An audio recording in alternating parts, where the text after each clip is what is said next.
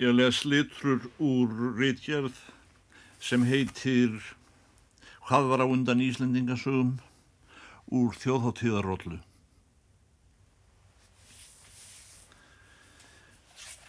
Þrátt fyrir nokkur leiftur úr ofinberi sagnfræði sem Ari bregður upp, ekki síst úr stjórn síslusögu landsins, skortir þar bersinlega fróðleik um mikilvæga atbyrði sem hljótað hafa átt sér stað í fyrstum kynnslóðum uh, búsettu í landinu.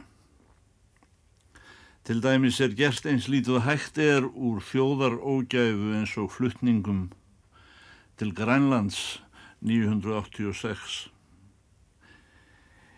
Eindreginni sagnfræðiritun var ekki búinn góður jarðvegur í trúbóðs andrumslofti aldana milli 1000 og 1200 og á 13. öld tóku fornsögurnar við. Rómversk-katholska kirkjan tók bókmyndirnar í sínar hendur um leið og hún kendi okkur leturgerð.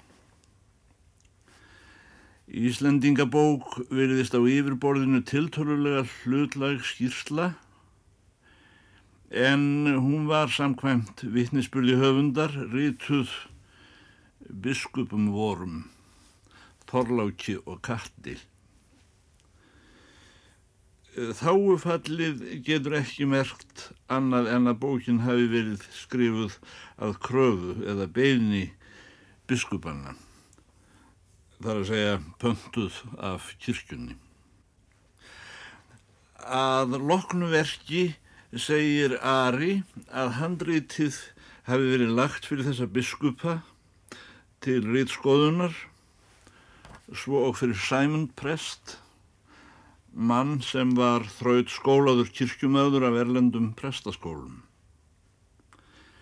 Þessir þrýr höfðklerkar breyttu textanum stórlega að því Ari segir áður en þeir lefðu að hann kemi fyrir almenning sjónir. Þannig hefur Íslendingabóka Ara komið okkur í hendur kontrasigneruð af kirkju yfirvöldunum þar að segja með e, imprimatur eða útgáfu stimpli kirkjunar. Ari hófst handa án þess að hafa nokkur skrifaðan staf að styðjast við um efnið, öngvan höfund að vitna í. Hann tilgreinir fóstra sinn teit, heimildarmenn að munlegum frásögnum og safnar staðrindum hjá gamlu fólki ólæsu sem hann telur spakt, óljúfrótt og minnugt. En...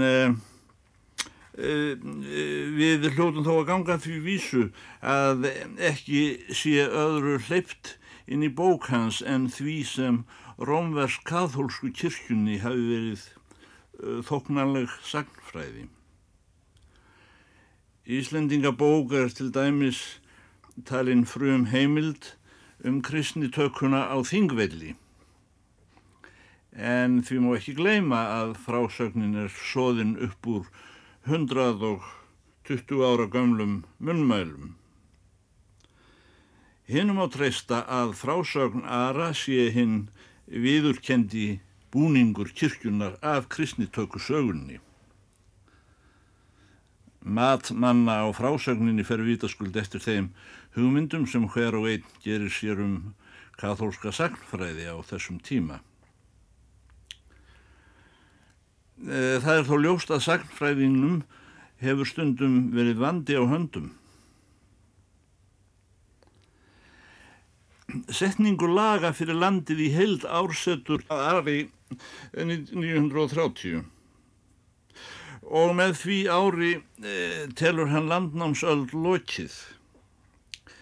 Fram til þess tíma virðast landsmenn hafa reynd að halda upp einhvers konar frumstæðri innan hér aða stjórn reistri á fornri hefð og, samþykki öldunga. Fornum frásögnum sem tengdar eru lögum er ekki ólíklegt að fylgi áreiðanlega leiki meira en öðrum sögnum.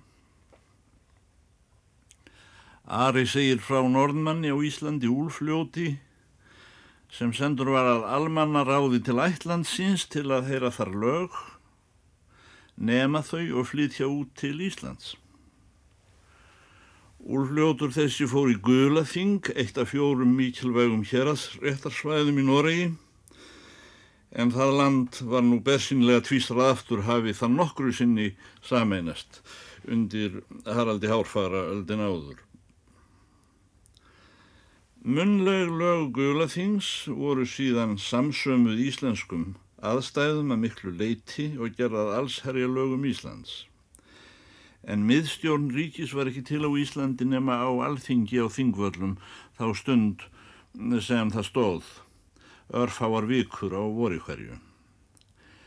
Eins og aðrar germanskar lögjafar samkomur var alþingi haldið undir berum himni. Næstum fullvís má telja að einhverjir þættir þessar munlegu lögbókar, ef svo mætti segja, úr gulaþingi séu óbreyttir í lögbókinni Grágá sem henn er varðveitt. Í, lögum þessum hafa ekki verið ákvæði um refsingu yllvirkja í okkarskilningi. Afbrótamanninu var gert að greiða ofinbæra sektir en auk þess skadabætur í gullringum og peningum þeim aðilja sem broti var gegn. Óneitanlega virðast slík viðurlög í meira lagi óraunhæf og ekki líklegt að gull og peningar í þessu skíni væru hendinæri fjarlægu eilandi á tímum þegar önnur Evrópuland stunduð viðskipti eftir eh, landöðrarikningi þar að segja vöruskiptaverslun. Jámel konungshyrðir og biskupstólar voru oft uppiskroppa með gull og peninga í þá daga. Einn flokkur og bótamanna virðist þó hafa verið því undan þegin að greiða sektir í gulli og peningum. Galdramenn. Þeir voru barðir grjóti eða þeim drekt. Sennilega hefur yfkun galdra verið tengt fornum trúarbröðum sem fallin voru úr gildi eins og kathólska á Norðurlöndum eftir síðaskipti þegar svíjar settu þau lög að fyndist kristmungur Í Svíþjóð skildi hann ferhögvin, þar að segja högvin í fjóra parta. Á miðöldum týðkuðust ekki fangelsi. Konungur gæti átt til að geima bróður sin í turni eða kjallara langa æfi og jáfnvel konu sína, en aldrei í refsingaskynni fyrir glæp. Hvaða stríð sem var þótti göfugt á miðöldum rétt eins og núna, en einstaklingsmorð voru jöfnuð með blóðhemdum ætta á milli og telja má einhverja áhrifaríkustu uppfinningu allra tíma í framkvæmt réttvísi. Blóðhemd var jafnvel tekinn inn í lögbækur og setta reglur fyrir henni af yfirvöldum langt fram á kristna tíð. Reyndar stunduð í miðjarar höfslöndum en þann dag í dag. Morðingjar hér voru gerðir útlægir ef mikið þótt í húfi þeir voru þá reknir í annan landsluta eða sendir úr landi stendur í lögunum. Slíkir dómar voru kannski ekki almennt framkvæmdir í raunverulegu lífi en sóma sér vel í sögu. Gunnar á hlýðarenda vildi hver ekki fara. Síðast en ekki síst var útlægur maður réttræpur hver sem var af hverjum sem nefndi. Jamt í heiðnum sem kristnum löndum miðalda Evrópu voru þjóvar þvínar réttlausir að lögum. Skýrslur um réttarhöld yfir þjófum eru nokkuð sjálfgjafar í gamlum domskjölum bæði hér og annar staðar. Þjóvar á Norðurlöndum voru taldir til óværu og mátti hver drepa þá sem vildi. Klassískur staður þjófa var gálginn Við höfum kállega mynd af skiptum við þjóf í Grettis sögu eh, sem samin er snemma á 14. öld.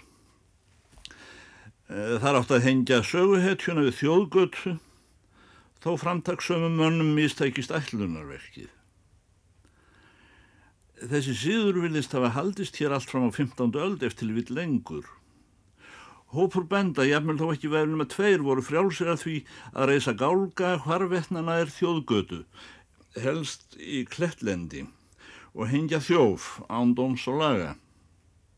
Þar kann að felast skýring á því að næstum í hverri sveit á Íslandi er manni síndur staðurinn þar sem þjóðar voru festir upp.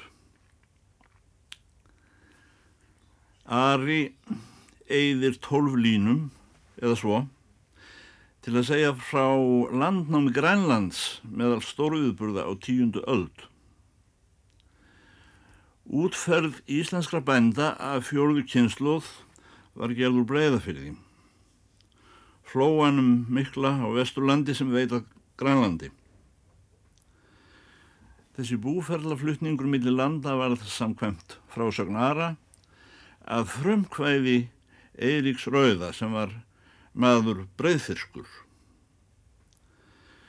Í Eiríksögu, skemmtisögu af því tægi sem þá voru nefndar Rómóns í Evrópu og er greinilega samin af klerklarðum manni meir en 300 árum eftir útferðina, er Eiríkur talinn norskur óbótamaður sem sloppið hafi til Íslands laungu eftir landnám. Þessi markfróði höfundur tekur upp eina eða tvær línur af tólf línum ara um Grænland og gengur bersýnilega miskuna löst í grænlendinga þátt sem er miklu eldri frásögn þannig að þátturinn fellur gerðsamlega í skuggan af Eiríksögu.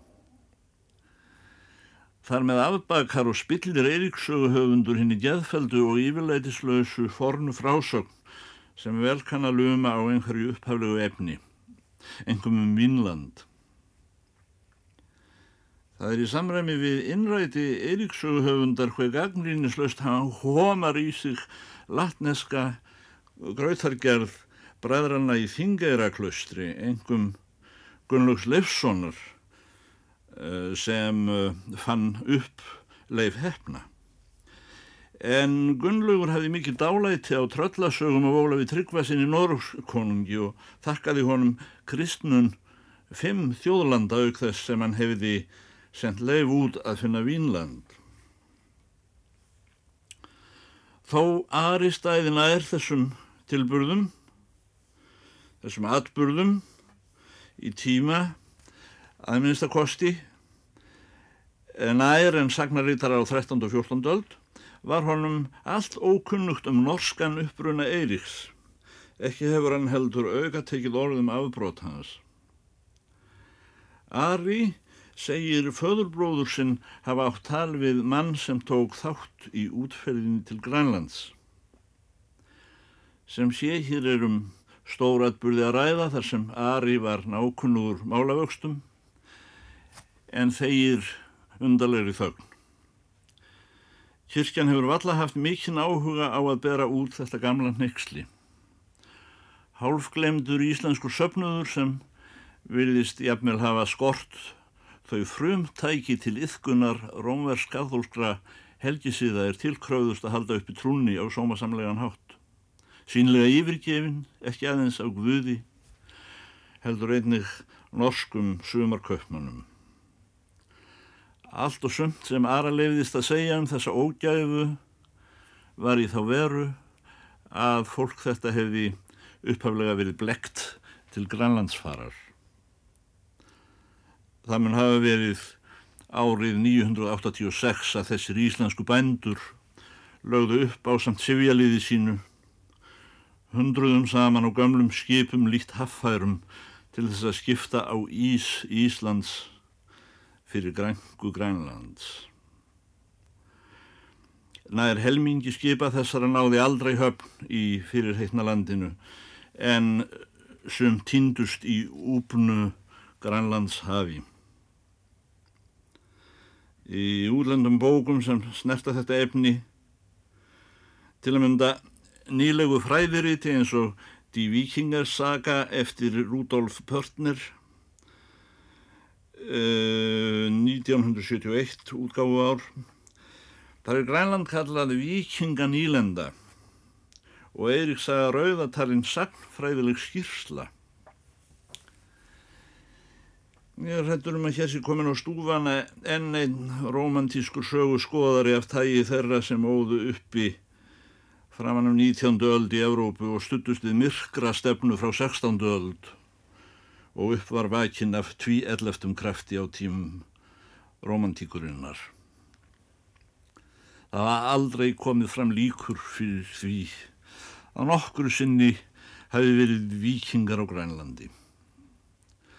Fólk sem þangað fluttist af Íslandi var án efa fátækur bændalýður. Öngver skandinaviskir útflytjendur fór byggðum til Grænlands. Ög nokkura rómversk-kathólskra biskupa voru þeir fáu norskir kaupmenn frá Björgvinn sem þangað heldu á sumarkauptíðinni þeir einir norðmenn sem Grænland sáu og létur reyndar tilturlega snemma af óarðbærum viðskiptum á þessum slóðum. Þegar fráleið sáust þeir aðeins með höppum og glöppum einstöku ár. Loks var byðin svo laung að þegar Skip kom af hafi var ekkert fólk eftir að taka á móti því. Þjóðin aldauða. Því miður var útferðin til Grænlands al íslenskur harmleikur og engin annar átti hlutað honum en við. Viðlítandi skýring hefur ekki fundist á því hvers vegna svo margt bænda að fjóruður kynsloð Íslendinga tók svo upp og fluttist til Grænlands. Reyndar virðast fólksflutningar til Grænlands hafa farið saman og stutt harðindaskeið í veðurfarsögu Íslands. En þó svo væri skýr það ekki þessa blindu haminguleit á vit hægfara útsloknunar í landi sem var jafnvel enn harðbíla og kaldara hinu sem fólkið var að flýja. Ímislegt bendi til þess að stórbíli hafi eflst á kostnað leilendinga á Íslandi síðustu áratýjina innan við árið þúsund fyrirbríði sem á útlendum máli er kallað landlordism og leitt hafi til uppflosnuna smábænda af kvotum sínum og þar með örbyrðar fullkominnar og snúið svo hug þessa fólks til Grænlands. Hættulega landbúnaðar aðferðir svo sem ofbeit og önnur ránirkja sem leitt hafi til uppblásturs á landi engum í uppsveitum gæti verið skýring að hluta.